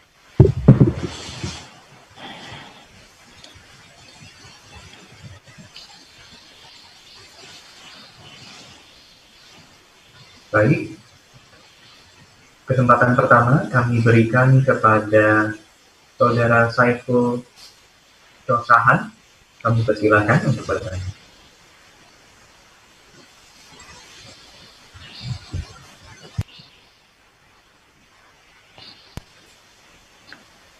Maaf, saudara Saiful, suaranya belum terdengar. Uh, namaste, uh, yang mulia, Bante. Iya. Uh, saya ada pertanyaan, maaf pertanyaan saya sedikit di luar topik. Uh, karena keinginan untuk memiliki rupang, saya membeli beberapa Buddha rupang Bante melalui online. Ternyata salah satu dari Buddha rupang itu patah. Nah, pertanyaan saya, apakah Buddha rupang yang patah itu boleh kita perbaiki dan tetap kita jadikan objek puja atau sebaiknya kita buang? Uh, kemudian untuk Buddha Rupang baru yang akan dijadikan objek puja, apakah perlu di blessing atau dilakukan pembacaan parita dan sebagainya? Ya. Terima kasih Bante. Iya. Baik. Uh, pertama yang ingin saya uh, tekankan adalah begini. Kan ada orang yang berpikiran kalau menerima Buddha rupang patah lalu ini dianggap sebagai pertanda yang tidak baik dan lain sebagainya. Uh, maka singkirkanlah kalau ada pikiran-pikiran seperti itu, singkirkanlah pikiran-pikiran seperti itu. Bahwa Buddha rupang patah, pecah itu normal sekali karena memang sesuatu itu bisa seperti itu ya benda apa pun gitu itu mengalami kerusakan bahkan tubuh jasmani kita juga mengalami kerusakan ya kehidupan kita juga mengalami kerusakan jadi itu memang sesuatu yang sangat wajar begitu ya. Nah, apakah kemudian ditambal lagi atau bagaimana? Kalau bisa ditambal lagi ditambal, tetapi saya sarankan setelah menambal objek puja Anda lebih uh, baik adalah uh, membeli Buddha Rupang yang baru atau memakai Buddha Rupang baru yang sempurna, yang bagus karena itu akan sangat membantu konsentrasi perhatian Anda gitu ya. Kemudian juga mencegah munculnya pikiran-pikiran uh, kusala ketika ada puja sedang kusuk-kusuknya kemudian tiba-tiba melihat misalkan tangan yang disambung yang patah dan disambung kembali sehingga uh, konsentrasi Anda buyar, perhatian penuh Anda buyar sehingga batin menjadi aku salah, menjadi tidak baik lagi, bisa muncul penyesalan dan lain sebagainya dan itu tidak baik kan. Maka dengan alasan-alasan seperti itu saya sarankan untuk menggunakan Buddha Rupang yang uh, baik, yang sempurna gitu ya. Kalau Anda mampu mengatasi pikiran-pikiran tidak baik ketika melihat Buddha Rupang yang patah dan disambung lagi, maka silahkan itu tetap dipajang di altar gitu ya. Kalau tidak ya Anda harus uh, kalau di dulu ya di Singapura itu saya waktu saya hidup di Singapura saya sering menerima limpahan rupang dari para umat itu. Jadi para umat yang yang tidak berani me, atau tidak tahu bagaimana uh, apa uh, memindahkan Buddha Rupang lalu mereka datang ke wihara dan diberikan ke kami gitu. Ya, makanya di wihara dulu di Singapura itu banyak sekali Buddha tidak hanya Buddha Rupang sih sebenarnya rupang-rupang yang lain juga banyak gitu ya. Uh, berbagai macam jenis rupang gitu ya. Uh, kalau anda di dekat anda ada wihara yang bisa menerima, Anda bisa datang ke wihara gitu dan diserahkan kepada bantenya begitu ya. E, kalau tidak ya Anda simpan di rumah di tempat yang baik tidak akan ada masalah juga. Ini kan sebenarnya lebih ke e, bagi mereka yang tidak terbiasa atau pikirannya itu kadang suka liar ke sini ke sana gitu daripada aku salah cita atau pikiran yang tidak baik muncul maka harus dilakukan langkah-langkah yang eh, apa eh, demi mencegah kemunculan aku salah cita itu saja bukan karena karena klenik karena mistis karena apa enggak enggak itu ya tidak ada yang hal seperti itu. Nah tentang pertanyaan yang kedua kalau anda sudah uh, mendirikan rupang apakah harus di blessing istilahnya abiseka sih consecration gitu. Secara tradisi iya ya memang uh, secara tradisi saja tetapi Eh, di teks juga tidak disebutkan gitu. Itu masalah keyakinan saja kok, Bapak. Uh, saya tidak pernah melakukannya, tetapi saya tahu ada tradisi seperti itu, ya. Jadi uh, uh, apa? Misalkan kalau di di Myanmar juga tradisinya begitu. Kalau Buddha Rupang itu mau di ini, dia harus dibacakan aneka jati sangsarang wisang ani bisang gaha karang gawe santo duga jati punah punang dan seterusnya. Ya, itu cara blessingnya dalam tanda kutip itu atau consecrationnya begitu. Ya, uh, tapi saya tidak pernah melakukannya. Ya, uh, uh, yang penting adalah bahwa ketika Anda benar-benar melihat wajah Buddha, meskipun itu hanya Buddha Rupang, maka pikiran Anda yang berbakti, memposisikan sebagai seorang murid, berjanji ingin menjadi seorang murid yang baik, kemudian juga tidak lupa juga mengucapkan kualitas-kualitas Buddha, yaitu piso, bagawa, arahang, sama sambudo, dan seterusnya, kemudian juga melakukan persembahan kepada Buddha Rupang dan juga mungkin uh, uh, membaca parita di rumah itu di depan Buddha Rupang. Selama Anda pikiran Anda benar-benar fokus uh, bahwa yang di depan Anda itu adalah Buddha yang sesungguhnya maka itu yang ideal begitu ya. Jadi kayak pemblessing, pembacaan ini, pembacaan itu, itu kan hanya untuk memantapkan orang saja kan. Tetapi sesungguhnya bukan berarti rupang itu kalau sudah dibacakan kayak kayak uh, aneka jati sang sarang sandawi sang ani bisang lalu kekuatannya melebihi di ya, bandingkan rupang yang lain tidak tidak itu hanya tradisi budaya saja ya tapi di teks tidak ada di kitab suci tidak ada gitu ya Bahkan di kitab komentar saya sudah membaca banyak juga belum ketemu, nggak pernah nggak ketemu yang seperti itu begitu. Demikian Bapak, tapi tentu saja saya tidak sedang mengatakan loh kalau dibacakan itu tadi e, tidak perlu dibacakan. Kalau Anda mau silahkan saja. Yang penting pandangannya benar, jangan pa punya pandangan salah itu ya. Kalau punya pandangan salah itu misalkan misalkan pandangan salah ketika Anda Buddha rupangnya habis di abiseka begitu, di blessing begitu, consecrated gitu. Kemudian tiba-tiba bisnis Anda lancar, kemudian Anda berpikir, wah berarti bantenya yang membacakan parita kemarin top ya hebat ya sakti ya. baru kemarin di rupang saya di blessing, sekarang rezeki sudah lancar. Itu pandangan salah. Dan itu berbahaya.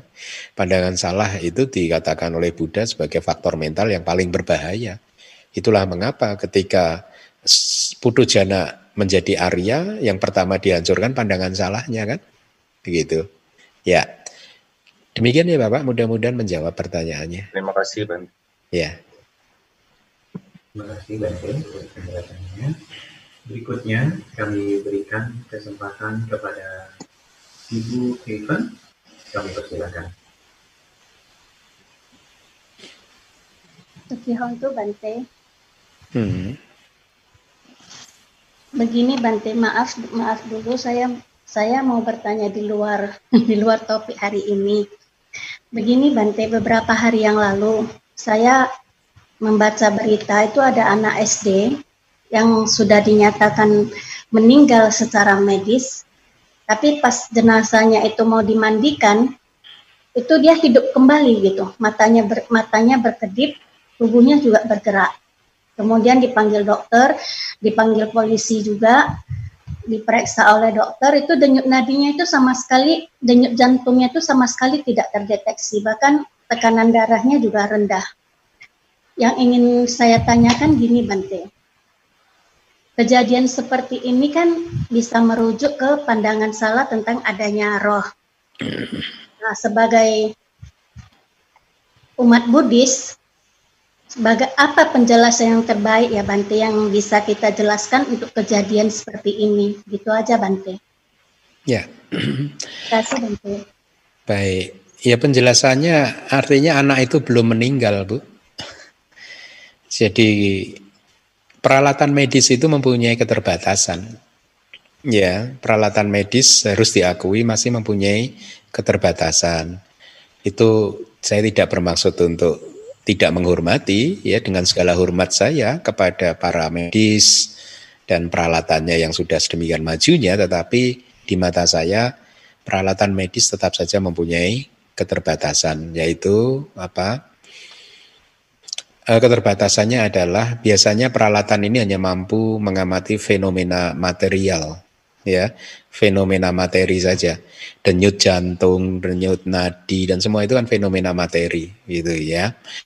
E, tetapi makhluk ini manusia ini kan tidak hanya terdiri dari agregat materi. Kita ini mempunyai juga agregat mental yang itu setahu saya ya belum ada alat medis yang bisa mendeteksi adanya agregat mental.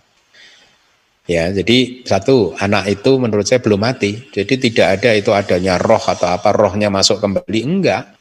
Rohnya tadi keluar kemudian enggak. Memang benar belum mati. Tadi itu ya kayak mungkin istilahnya entah tepat entah tidak mati suri dan lain sebagainya. Saya juga waktu kecil juga pernah melihat bahkan seseorang sudah sudah masuk di peti mati dan peti matinya sudah masuk di liang lahat tiba-tiba liang uh, peti matinya bersuara. bersuara dan akhirnya semua pada menjerit ketakutan gitu. Ya intinya akhirnya si mayat tadi hidup lagi. Itu waktu saya masih kecil itu saya melihat itu. Ya, kalau menurut agama ajaran Buddha ya memang dia belum mati gitu ya. Dia mungkin tadi itu mati suri atau apa pun istilahnya yang kemudian e, peralatan medis belum mampu untuk mendeteksinya begitu. Dan itulah mengapa sesungguhnya eh, tadi yang yang saya lihat itu tadi bukan Buddhis ya, mayat orang yang difonis meninggal itu bukan Buddhis. Karena tradisi non Buddhis tetangga gitu biasanya seseorang kalau meninggal dunia eh, harus dimakamkan pada hari yang sama gitu ya. Nah makanya kalau Buddhis saya rasa lebih lebih bagus apa uh, bagus Buddhis itu. Kalau Buddhis itu kan ditunggu sampai beberapa hari kan, masukkan dulu ke rumah duka gitu ya. Uh, yang lebih bagus sih memang kalau bisa tujuh hari itu lebih bagus ya. Karena biasanya kalau yang meninggal dunia adalah bante yang yang meditasinya bagus akan ditunggu sampai hari ketujuh berlalu gitu ya. Kawa dikhawatirkan atau diasumsikan gitu ya atau diingin dipastikan saja bahwa beliau bantenya ini benar-benar sudah e, meninggal dunia setelah lewat hari ketujuh. Kenapa? Karena jangan-jangan nanti uh, kita nggak pernah tahu kalau bantenya ternyata sedang masuk dalam uh, niroda samapati misalkan, begitu, ya. Uh, itu kan pencapaian-pencapaian spiritual yang tinggi tersebut kan hanya bertahan selama tujuh hari, ya di teks kita. Karena tubuh jasmani ini setelah tujuh hari membutuhkan makanan, jadi secara otomatis mereka yang masuk dalam pencapaian-pencapaian meditatif yang sangat tinggi seperti Niroda sama Pati itu dia hari ketujuh berlalu dia akan bangkit dari meditasinya ya. Ada kan juga cerita kalau Anda baca ceritanya Ajahn Chah, uh, master meditasi yang terkenal di Thailand. Beliau ini kan 10 tahun sebelum meninggal dunia kalau nggak salah itu mengalami kelumpuhan kan? Ya jadi beliau benar-benar lumpuh uh, tidak bisa apa-apa begitu. Nah karena beliau ini adalah seorang uh, uh, guru yang terkenal di Thailand uh, maka beliau mendapat perawatan medis yang maksimal dari pemerintah begitu. Sehingga suster-susternya itu dibagi dalam dua atau tiga shift gitu. Ada di bukunya ada di bukunya itu. Dan uh, suster itu sering kali menghadapi situasi yang uh, menurut mereka itu apa membuat mereka deg-degan, takut. Kenapa? Karena beberapa kali ajan cah itu denyut nadi jenut jantungnya itu nggak terdeteksi, ya, tidak terdeteksi gitu. Uh, bisa jadi beliau masuk ke dalam jana yang keempat atau jana yang kelima begitu, jadi tidak terdeteksi gitu, sehingga di anggap meninggal dunia. Tetapi setelah beberapa jam kemudian terdeteksi lagi dan itu terjadi beberapa kali. Terjadi beberapa kali. Itulah mengapa saya mengatakan tadi dengan segala hormat saya dengan kemajuan teknologi eh, kedokteran ya. Uh, menurut saya alat-alat kedokteran hanya mampu mendeteksi fenomena materi, agregat materi. Ya, agregat mental mereka tidak punya alat untuk mendeteksinya sehingga kematian itu kan sesungguhnya tidak hanya berhentinya nafas, sesungguhnya kematian itu adalah habisnya karma dan lain sebagainya atau e, secara teknis abidama itu adalah terputusnya e, jiwitindria ya jiwitindria indria nyawanya putus yaitu faktor mentalnya. Begitu putus.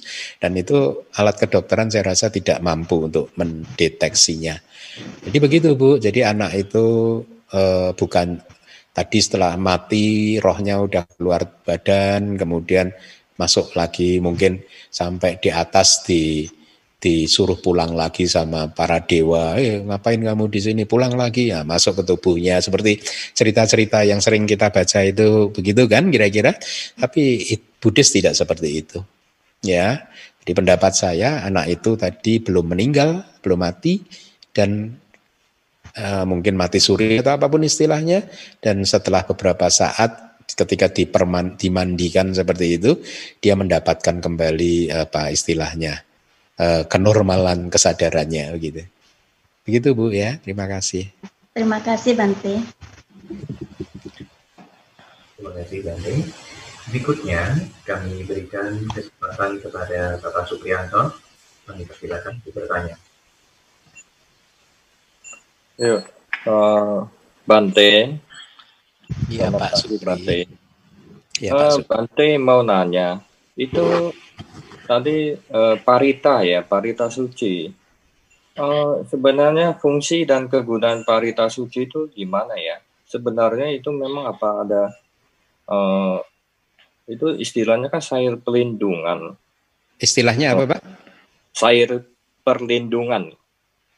Oh, oke, okay, oke. Okay. Iya.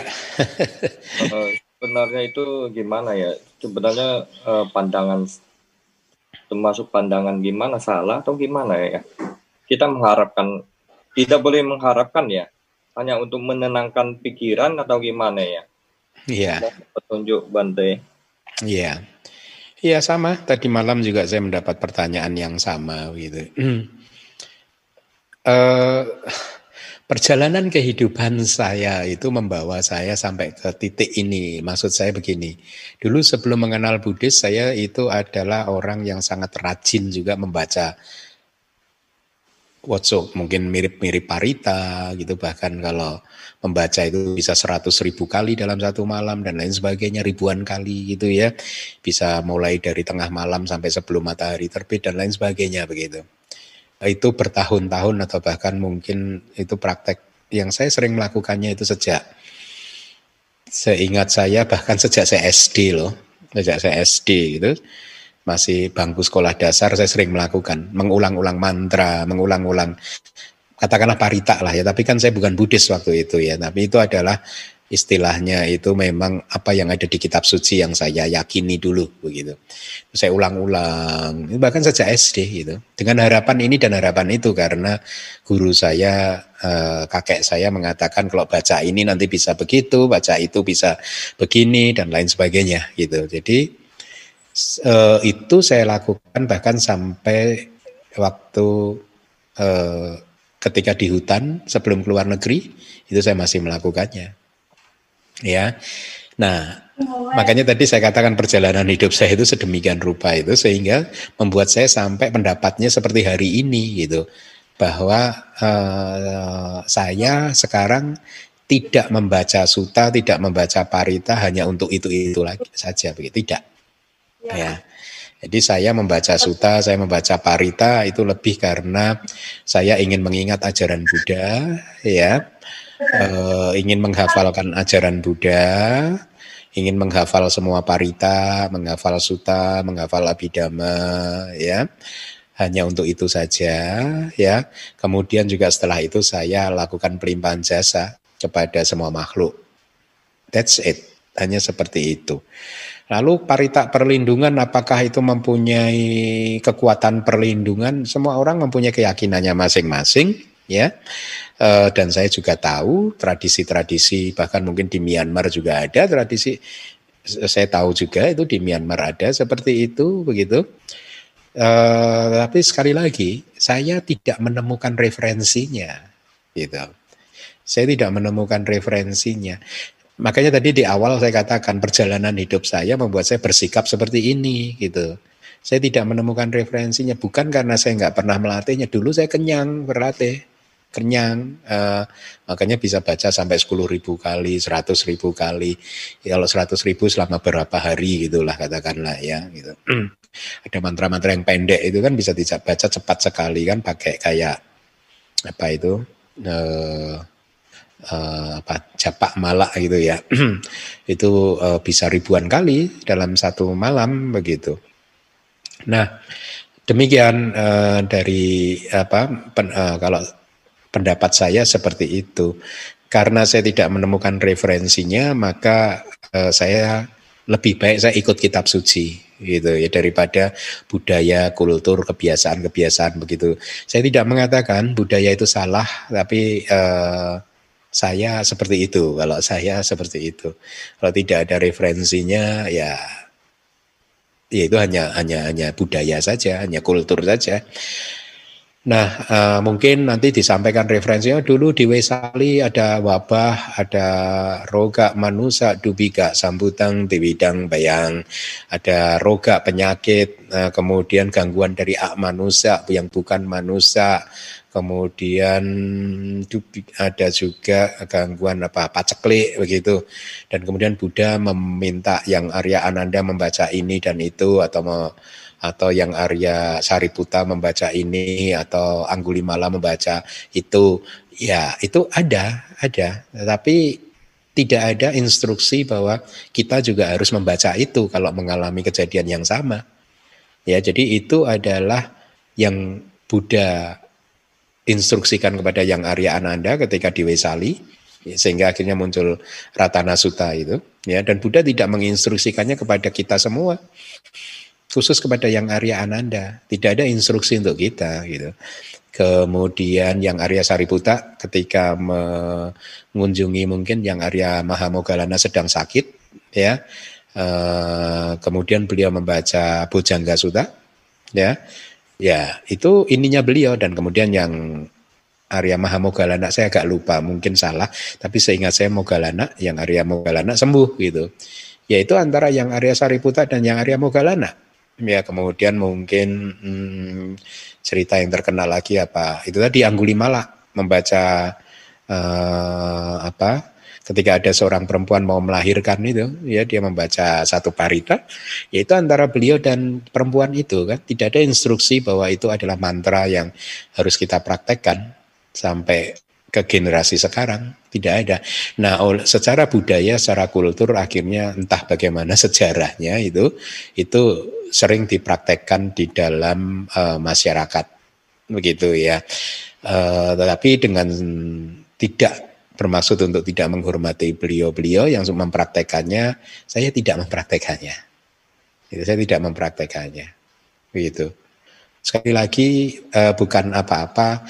Nanti kalau saya ketemu referensinya mungkin saya jadi akan mempraktekannya. Demikian Bapak mudah-mudahan menjawab.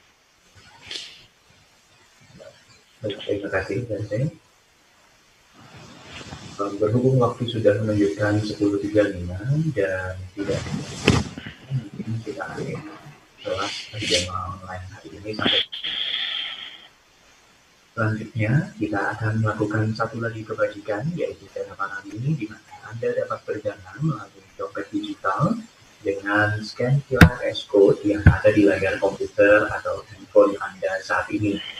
Atau juga bisa dengan melakukan transfer ke rekening BCA Yayasan Dhamma ini dengan kode 01 di akhir nominal dana Anda. Barcode QRS ini pun bisa difoto dan di save di handphone Anda supaya Anda bisa melakukan dana kapan pun dan di mana pun Anda berada.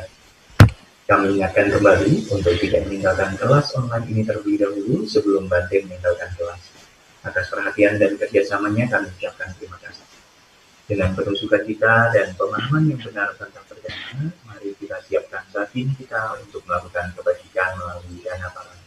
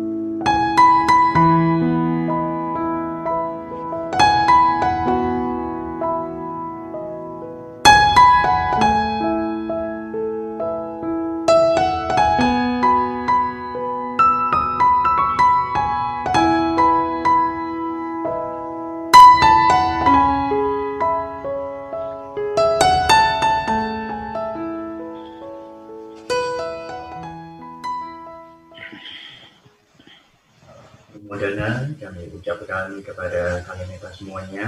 Selanjutnya, Bante akan membimbing kita semua untuk melakukan berikan jasa atas semua bentuk kebajikan yang telah kita lakukan pada hari ini. Mari kita semua berandal. Baik, ikuti saya. Idame punyang. Idame punyang. Nibanasa. Banasa. Ajayo. Ajayo.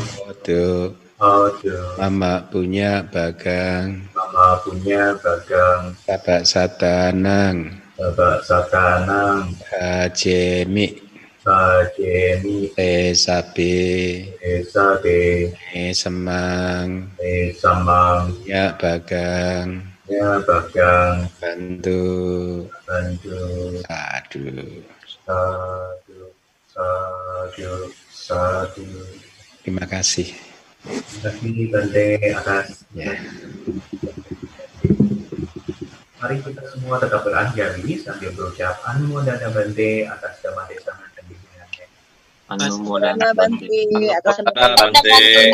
Terima kasih Bante. Bante, salam hormat Bante. Bahagia dengan berakhirnya pembabaran Dhamma hari ini, kami mempersilahkan Bante untuk meninggalkan kelas Abhidhamma online pagi ini.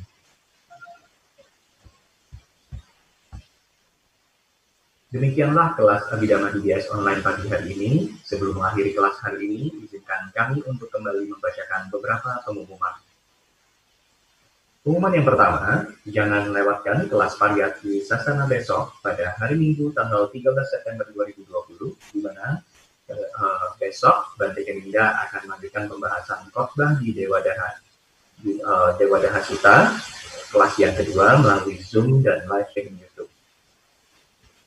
Berikutnya, kami kembali mengajak kalian untuk uh, berdana buku manual Adidama Bab ke-7, volume yang kedua kategori-kategori dengan kode 23, batas akhir 25 Oktober 2020. Seperti yang sudah kita ketahui, bab 7 ini kaya akan referensi sehingga harus diterbitkan dalam dua volume. Selanjutnya, DBS yang akan mencetak ulang buku manual Abhidhamma Bab 3 serta Neka, edisi kedua yang diperbaharui, dengan ini kami mengajak kita untuk berdana buku eh, dengan kode 43, batas akhir 29 November 2020. Berikutnya kami informasikan juga bahwa telah terbit buku 9 sifat agung Buddha edisi kedua yang diperbaharui eh, dan bagi kita yang berminat bisa menghubungi sekretariat DBS di 0813 8700 3600 atau dengan uh, langsung mengunjungi tautan bit.ly garis miring DBS Book. Selanjutnya hampir lima tahun DBS telah berkarya dan harapan kami pastinya manfaat uh, dengan kehadiran DBS ini sudah dirasakan oleh umat Buddha di pelosok Nusantara dan oleh karena itu kami mengajak kita untuk bergabung dalam komunitas penyokong ajaran Buddha yaitu Buddha Sasana Nugaha dalam membantu operasional DBS. Kami juga memberikan kemudahan dan cara berdana bagi Anda dan seluruh keluarga dalam mendukung kesinambungan dana dan memperkukuh dana di Nusantara dengan berdana melalui GoPay. Yaitu kodenya di antaranya sebagai berikut, uh, 00 untuk keperluan operasional DBS, 01 untuk keperluan Sangga, 02 untuk pendidikan Samanera dan saya lain, 03 penerbitan buku, 8 tawaradana, dan 10 untuk perpustakaan. Supaya tidak ketinggalan berita-berita DBS lainnya, kami mengajak kita semua untuk bergabung dalam WA grup komunitas Buddha Sasana Nugaha DBS, di mana grup ini sudah mencapai grup yang kelima. Ya. Dengan grup ini, kita akan selalu mendapatkan informasi kegiatan-kegiatan yang akan dilakukan DBS, informasi buku-buku yang bisa Anda pesan, informasi penggalangan dana buku, dan lain-lain. Terakhir, jangan lupa untuk follow, like, dan subscribe untuk Facebook serta Instagram DBS supaya tidak ketinggalan informasi kegiatan-kegiatan DBS lainnya. Dan bagi kalian yang belum mengikuti channel ini, kami harapkan dapat segera klik bagian subscribe di YouTube channel uh, BS dan klik loncengnya supaya selalu mendapatkan notifikasi video terupdate. Akhir kata, kami ucapkan terima kasih dan sampai bertemu di kelas online BS berikutnya. Suki Hontu kalian kita semuanya, semoga kita semua selalu dalam keadaan sehat dan berbahagia. Sadu, sadu, sadu.